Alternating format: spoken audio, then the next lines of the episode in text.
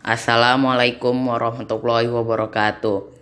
Ana Muhammad Razan Badrani Matar dari kelas 8B. Perjanjian Hudaibiyah. Setelah enam tahun berlalu sejak hijrah dari Makkah, Rasulullah Shallallahu Alaihi Wasallam berhasil mengokohkan pasukannya. Masyarakat Islam serta daulah Islam menjadi disegani sebuah bangsa Arab. Setelah itu beliau mulai memikirkan langkah-langkah tersebut dan cara untuk semakin menguatkan dakwah daulah Islam dan melemahkan musuh-musuhnya. Telah sampai kepada beliau bahwa penduduk Khaybar maka telah membentuk kesepakatan untuk memerangi kaum muslim.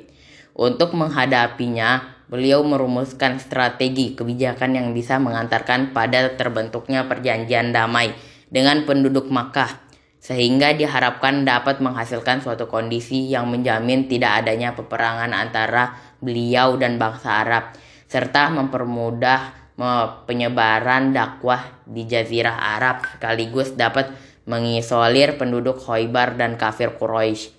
Beliau melihat bahwa strategi ini hanya bisa dilakukan dengan mengunjungi Baitul Baitullah di Masjid Al-Haram dilakukan dengan damai sehingga akan mengantarkan pada maksud politis beliau.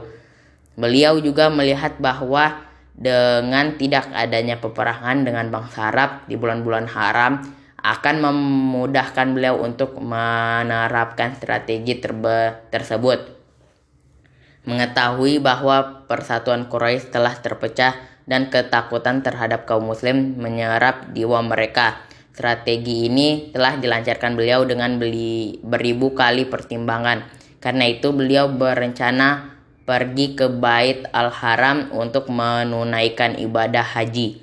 Jika kaum Quraisy menghalang-halangi ibadah hajinya, maka larangan itu menjadi alasan bagi beliau untuk mendakwahkan Islam di seluruh bangsa Arab sekaligus sebagai sarana untuk melancarkan propaganda menentang Quraisy karena itu Rasulullah Shallallahu Alaihi Wasallam mengizinkan berhaji di bulan Zulqa'dah dan mengirimkan beberapa delegasi ke kabilah-kabilah Arab non Muslim mengajak serta mereka ikut bersama beliau keluar menuju Baitullah dan dalam keadaan aman dan damai tanpa perang.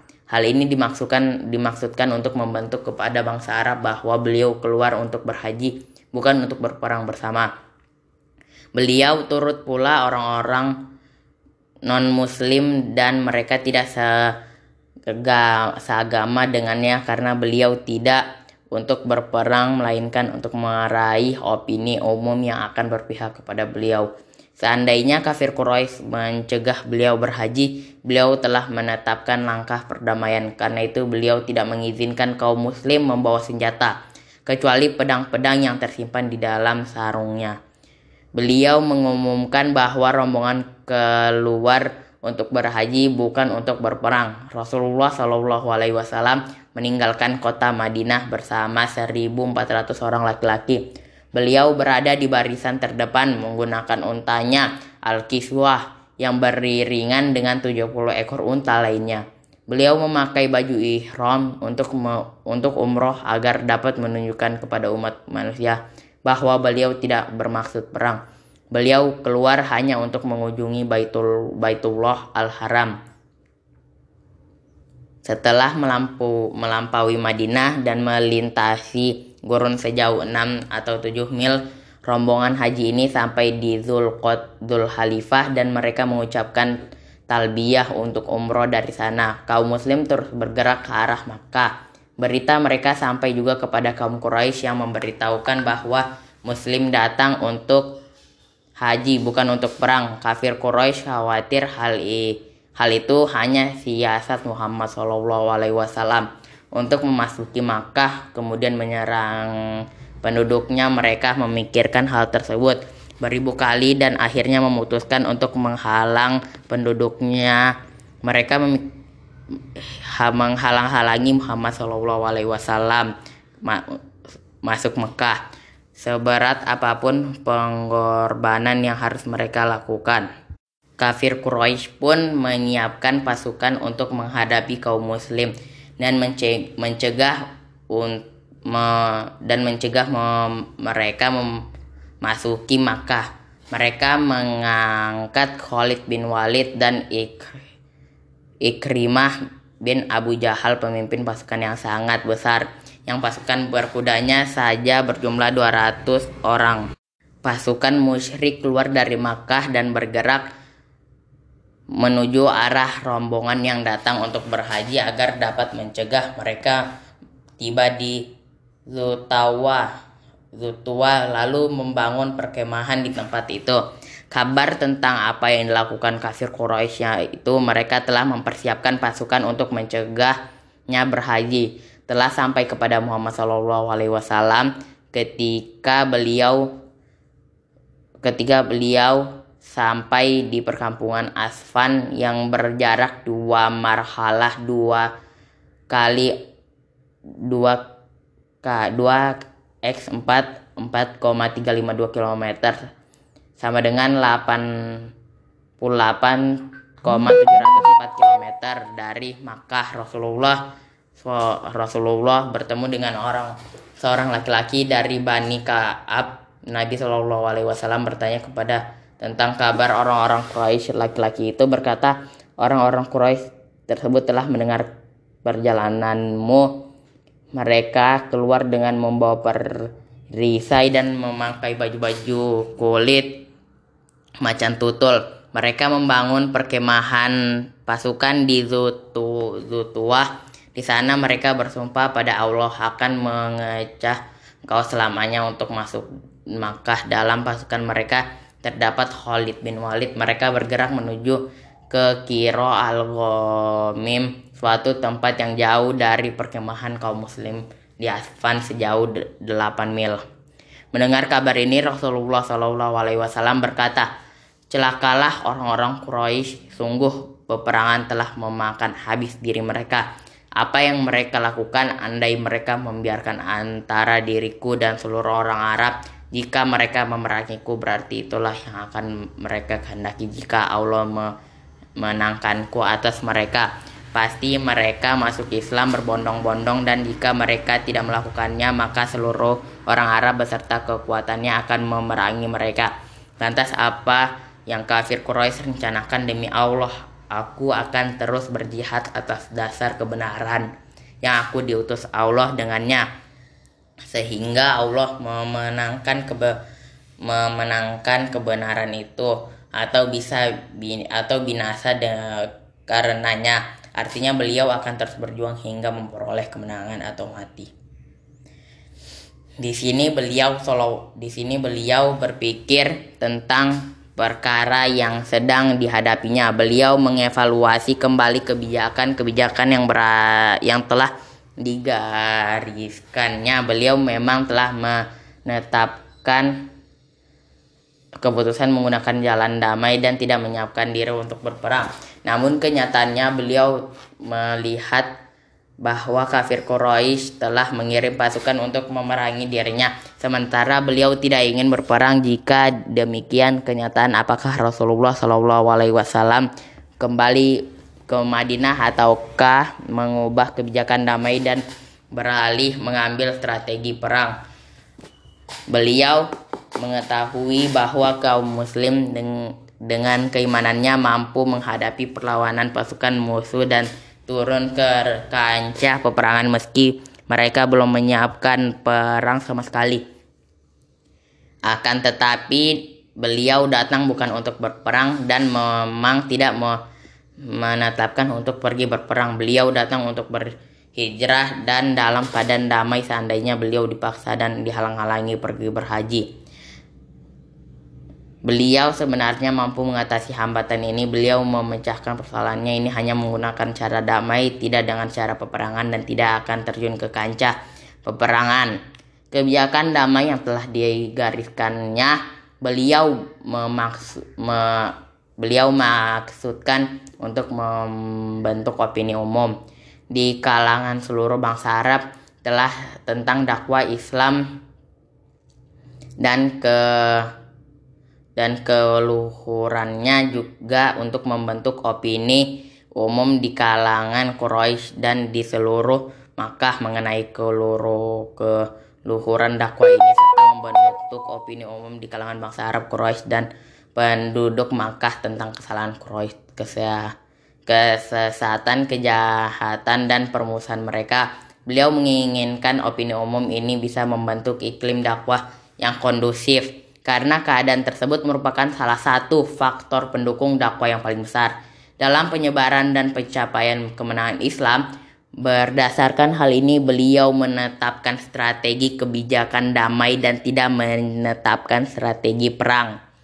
Jika tetap melakukan perang, berarti beliau telah menyalahi strategi itu sendiri dan merusak aspek-aspek yang menjadi alasan beliau keluar dari Madinah.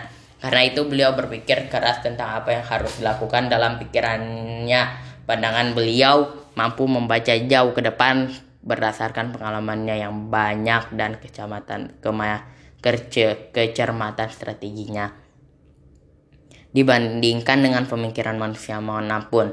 Dengan demikian beliau tetap meneruskan strategi damainya sehingga tidak merusak maksud beliau sendiri keluar dari kota Madinah dan tidak menyalahinya. Sementara itu, di tengah-tengah bangsa Arab kaum Quraisy mempunyai alasan untuk memerangi, menyerang Rasul.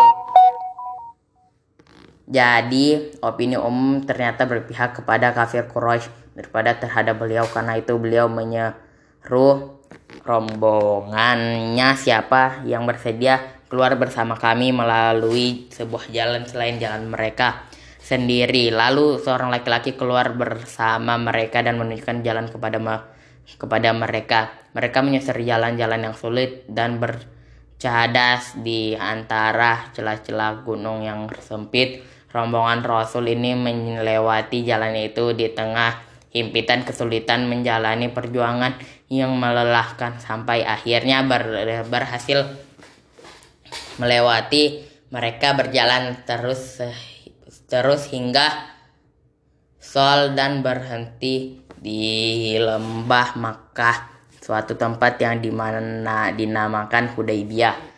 Dan di situlah mereka membuat perkemahan ketika pasukan Khalid dan Ikram Ikrimah melihatnya, maka mereka terkejut dan segera kembali ke pasukan untuk mempertahankan Makkah. Jiwa mereka panik dan ketakutan karena kaum muslim berhasil melampaui pasukan mereka dan menempati daerah perbatasan Makkah. Kesatuan pasukan musyrikin berada di dalam Makkah, sementara kesatuan pasukan Nabi Shallallahu Alaihi Wasallam dan para sahabatnya berada di Hudaybiyah. Kedua pasukan tersebut saling berhadap-hadapan. Pasukan Quraisy di dalam Makkah, sedangkan kaum Muslim di Hudaybiyah masing-masing berpikir tentang strategi yang akan dijalaninya dalam menghadapi musuh. Sebagian kaum muslim berpikir bahwa Quraisy tidak akan membiarkan mereka melakukan haji. Mereka telah mempersiapkan perlengkapan perang untuk menghadapi kaum muslim karena itu tidak ada jalan lain kecuali memerangi mereka untuk mengalahkannya dan segera melakukan ibadah haji dengan demikian mereka harus mampu mengakhiri riwayat kafir Quraisy dengan hukuman tuntas. Sementara itu pihak Quraisy juga berpikir tentang mempersiapkan diri memerangi kaum muslim dengan persiapan yang memungkinkan mampu menyerang dan menghancurkan mereka. Sehingga mereka terusir dari Makkah. Meski hal itu harus di tebus dengan kehancuran Quraisy sendiri meskipun kafir Quraisy harus lebih dulu mempertimbangkan kekuatan kaum muslim beribu kali pada akhirnya mereka memutuskan untuk tetap tinggal di Mekah sambil menunggu apa yang ingin dilakukan kaum muslim adapun Rasulullah Shallallahu Alaihi Wasallam sendiri tetap berpegang pada strategi yang telah digariskannya sejak beliau berniat ihram nah, untuk umroh di Madinah yaitu strategi damai beliau tetap berpegang pada prinsip ini hingga berhasil mencapai tujuannya. Beliau tetap bertahan di Hudaybiyah sambil menunggu apa yang akan dilakukan kaum Quraisy. Beliau tahu bahwa Quraisy gemetar karena takut terhadap dirinya. Mereka sepertinya akan mengirim utusan kepada beliau untuk berunding tentang kedatangannya beliau untuk berhaji Quraisy kemudian mengirimkan Ba'dil Buarkoh lain-lain orang tugas rombongan Bakuzukoh Quraisy beliau tahu Quraisy dirinya untuk beliau mengirimkan ketentangan untuk Quraisy kemudian mengirimkan Badil bin Warko seorang laki-laki dalam rombongan Bani Kuz'ah sebagai utusan pendinginan tugas yang haus dijalan dijalankannya ada keberatannya kepada Rasulullah SAW mengenai tujuan datang ke Makkah. Tugas yang harus dijalankannya adalah bertanya kepada Rasulullah Shallallahu Alaihi Wasallam mengenai tujuannya datang ke Mekah. Tidak lama setelah perundingan akhirnya mereka puas karena ternyata kaum Muslim tidak datang untuk maksud peperangan melainkan mereka datang untuk mengunjungi, mengunjungi Baitullah demi mengagungkan kemuliaannya. Setelah itu utusan tadi kembali untuk meyakini Quraisy dengan kabar tadi dan berusaha keras meyakinkannya sehingga Quraisy mencurigai mereka telah berpihak kepada Muhammad SAW. Mereka tidak mempercayai ucapan para utusan ini. Mereka mengirimkan utusan lain di bawah kepemimpinan Mughzir bin Hafaz. Hafaz. Namun nasibnya juga seperti itu. Utusan pertama kemudian mereka mengirimkan Halis bin Al-Qomah kepala suku Alba Al-Habishi untuk berunding dengan Muhammad SAW. Quraisy percaya kepadanya maupun kaumnya. Dalam memusuhi Muhammad SAW, Quraisy memandang bermaksud membangkitkan gelora permusuhannya terhadap kaum muslim jika kembali dan perundingannya tidak berhasil. Tentu dendam Halis bertambah besar dan bersemangat untuk mempertahankan. Maka semakin meningkatkan Nabi Shallallahu Alaihi Wasallam mengetahui keberangkatannya. Lalu beliau memerintahkan agar hewan-hewan sembeli untuk umroh dilepaskan di hadapan beliau agar hewan-hewan itu dalam pandangan halis menjadi bukti yang bisa dilihatkan langsung bahwa bahwa niat kaum muslim memang untuk haji bukan berperang. Halis pun berangkat dan ketika sampai di perkemahan kaum muslim dia melihat unta-unta berkeliaran di lembah. Dia juga menyaksikan gerak-gerik kaum muslim beserta hewan sembelihnya untuk hati yang benar-benar menunjukkan sebagai rombongan umroh bukan sebagai pasukan perang. Tampak di kemah-kemah mereka suasana ibadah pem, suasana ibadah. Pemandangan ini membawa pengaruh yang amat meyakinkan Halis bahwa mereka bersungguh-sungguh bertujuan untuk ibadah bukan perang. Tidak lama ditinggal di daerah pengintaiannya dan telah puas melihat kenyataannya kondisi kaum muslim itu maka Halis pun kembali ke Makkah padahal dia belum bertemu Rasulullah Shallallahu Alaihi Wasallam. Dia mengabarkan pada, kepada Quraisy dan meminta mereka supaya membiarkan kaum muslim melaksanakan haji. Halis sangat marah pada sikap Quraisy yang keras kepala dan mengancam mereka jika tidak memberikan kemudahan pada Muhammad Shallallahu Alaihi Wasallam yang hendak mengunjungi Ka'bah maka Halis dan orang-orang Al-Habaisy akan meninggalkan Quraisy dari Makkah akan tetapi Quraisy buru-buru memohon Halis bersabar sejenak dan meminta Halis supaya memberi tangguh agar mereka bisa memikirkan persoalan tentang dengan menantang Halis pun tidak membutuhkan mereka lagi. Sementara itu Quraisy mengirimkan lagi utusannya yaitu Urwah bin Mas'ud as-Sakafi Kafi tentukan setelah Tentu setelah mereka berhasil meyakinkan bahwa mereka merasa menetap dan percaya dengan pikirannya Urwah, berang, Urwah berangkat menemui Rasulullah Shallallahu Alaihi dan mengajak berunding agar Rasul Rasul kembali saja dari Makkah. Dalam perundingannya Urwah menggunakan berbagai uslub akan tetapi dia tidak berhasil dan kembali dengan perasaan puas dengan cara pandang Rasulullah Shallallahu Alaihi Wasallam. Dia berkata kepada Quraisy Hai orang-orang yang hai orang-orang Quraisy sungguh aku pernah mendatangi Kisra di kerajaannya dan Kaisar eh, di imperu eh, di imperiumnya. Demikian juga Najasyi di kerajaan. Demi Allah aku sama sekali belum pernah melihat sebuah kerajaan pun dalam suatu kaum seperti Muhammad di tengah-tengah para sahabatnya yang sungguh aku telah melihat suatu kaum kaum muslim yang selamanya tidak akan menyerahkannya. Muhammad untuk sesuatu apa pun karena itu pikiran kembali pada pendapat kalian.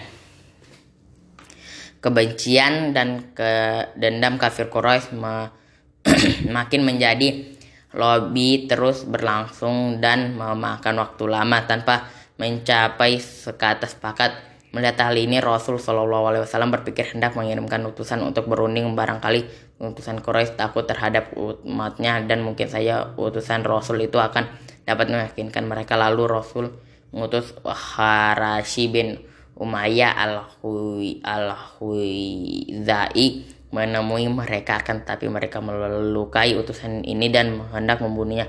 Seandainya tidak ada pembelaan dari suku Al-Habishim, kemarahan Quraisy semakin membara. Di tengah malam mereka mengirim beberapa orang bodoh untuk melempari kemah-kemah kaum muslim dengan batu. Kaum muslim marah bahkan mereka sempat berpikir untuk memerangi kafir Quraisy akan tapi Rasulullah Shallallahu alaihi wasallam merendahkan meredahkan kemarahannya dan menenangkan tersiar kabar bahwa 50 orang kafir dari Quraisy telah mengeluarkan untuk mendatangi perkemahan kaum muslim dan tujuan menyerang untuk menghancurkan mereka.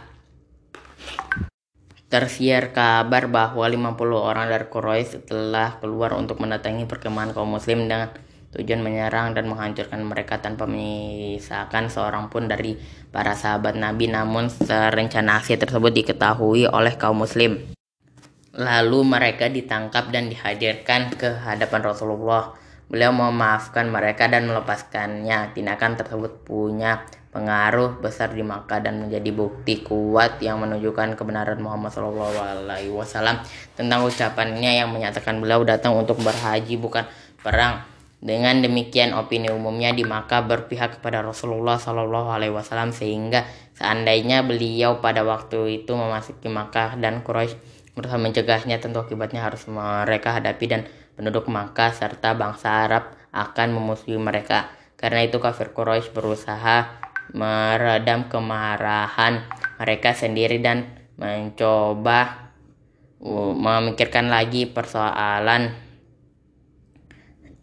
ini sedikit demi sedikit keadaan de keadaan di Makkah mulai menampakkan tanda-tanda ke arah damai Rasul pun ingin mengirimkan lo mengirimkan utusan yang akan berunding dengan kafir Quraisy. Beliau meminta Umar bin Al-Khattab Al-Khattab berangkat ke Makkah namun dia memberi alasan kepada Rasul wahai Rasul aku khawatir kafir Quraisy akan membunuhku sementara di Makkah tidak ada satupun Bani Adi bin Kaab yang akan melindungi melindungiku permusuhan dan kekerasanku terhadap mereka.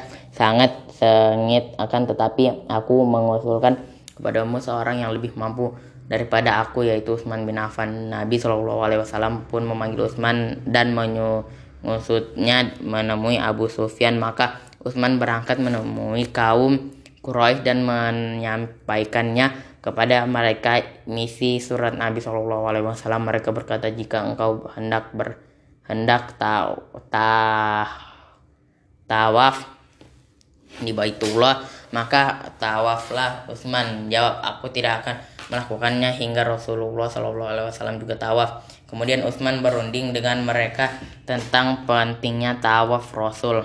Namun Quraisy menolak usulan itu. Perundingannya di antara mereka menjadi berkepanjangan dan terus berlangsung. Penghuninya beralih dari persoalan per, penolakan ke Quraisy mengarah pada kesepakatan baru yang akan mengakomodir kepentingan Quraisy dan ke, kepentingannya kaum muslim. Mereka membahasnya dengan Utsman tenang kemungkinan untuk menemukan jalan yang dapat membebaskan mereka dari selasu masih sulit dan dari permusuhan mereka Muhammad SAW mengenai kepergian Utsman terlalu lama di Makkah sementara tanda-tanda kebenarannya di Makkah Utsman tidak juga tampak sampai akhirnya tersabar kabar itulah kalang kalangan kaum muslim bahwa Quraisy telah memperdaya Utsman dan membunuhnya kegelisahan kaum muslim memuncak dan sempat mencemaskan Nabi Shallallahu Alaihi Wasallam bahwa Quraisy telah membunuh Utsman akibatnya kaum muslim bergo lak dan meng, dan goncang masing-masing mereka.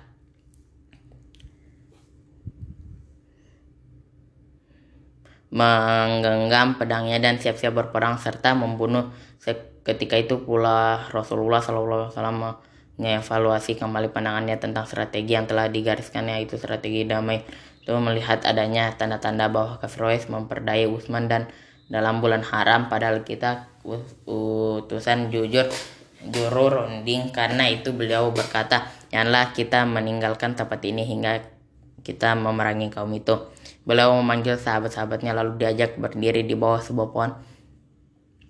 Seraya meminta mereka memberikan bayat bayat bay, bayat bayat kepadanya. Mereka semua berbaiat untuk tidak lari dari peperangan hingga mati mereka.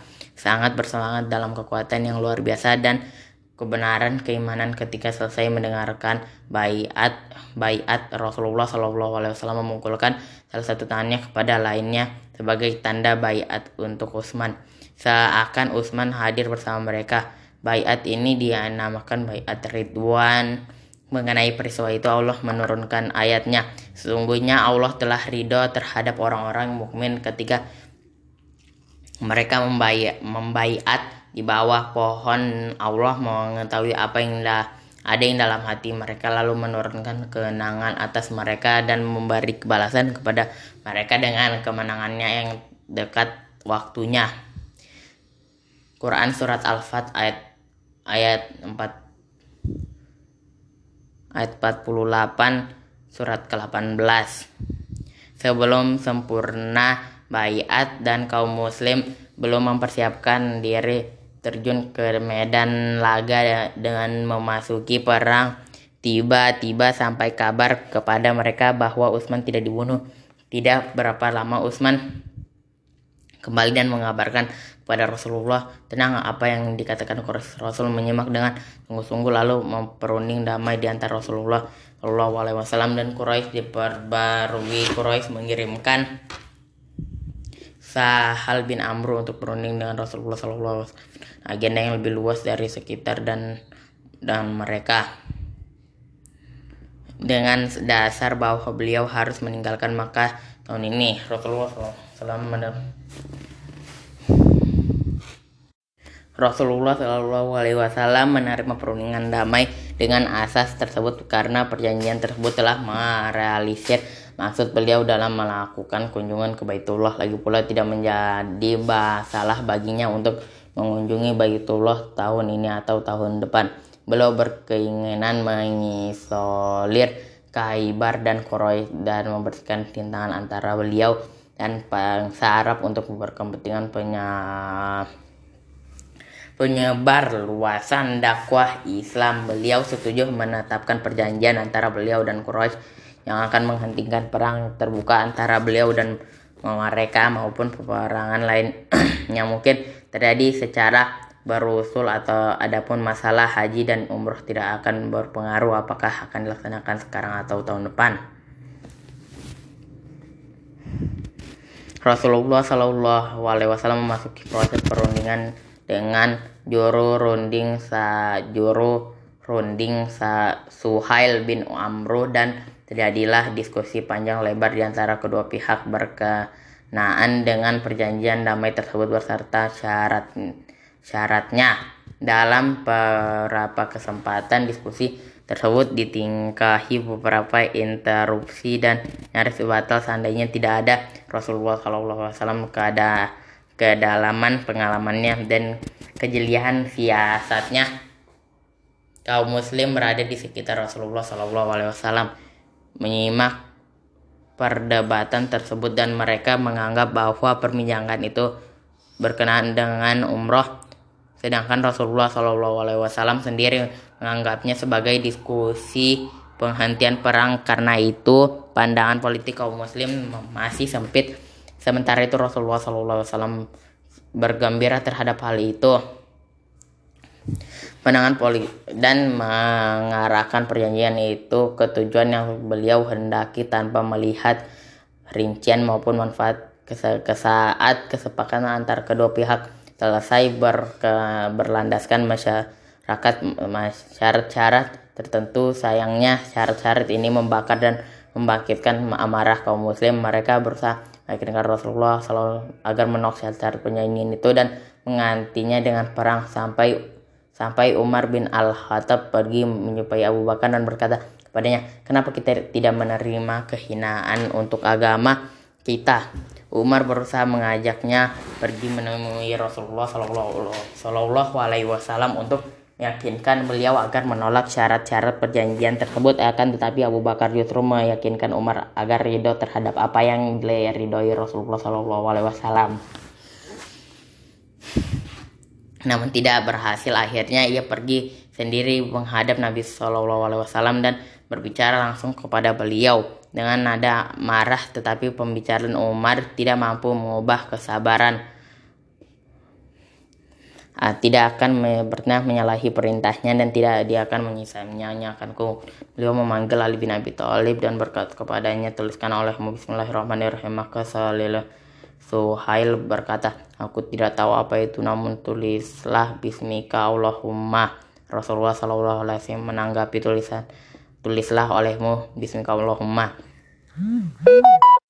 Kemudian beliau melanjutkan tulislah dan perjanjian damai yang disepakati Muhammad Rasulullah SAW Suhail bin Amr maka Suhail pun memotong seandainya aku bersaksi bahwa engkau Rasulullah tentu aku tidak memerangimu karena itu tulislah namamu dan nama bapakmu Rasulullah SAW berkata tulislah olehmu ini adalah perjanjian damai yang disepakati Muhammad bin Abdullah dan dengan Suhail bin Amru. Kemudian Ali melanjutkan menuliskan perjanjian di antara kedua pihak yang isinya berikut.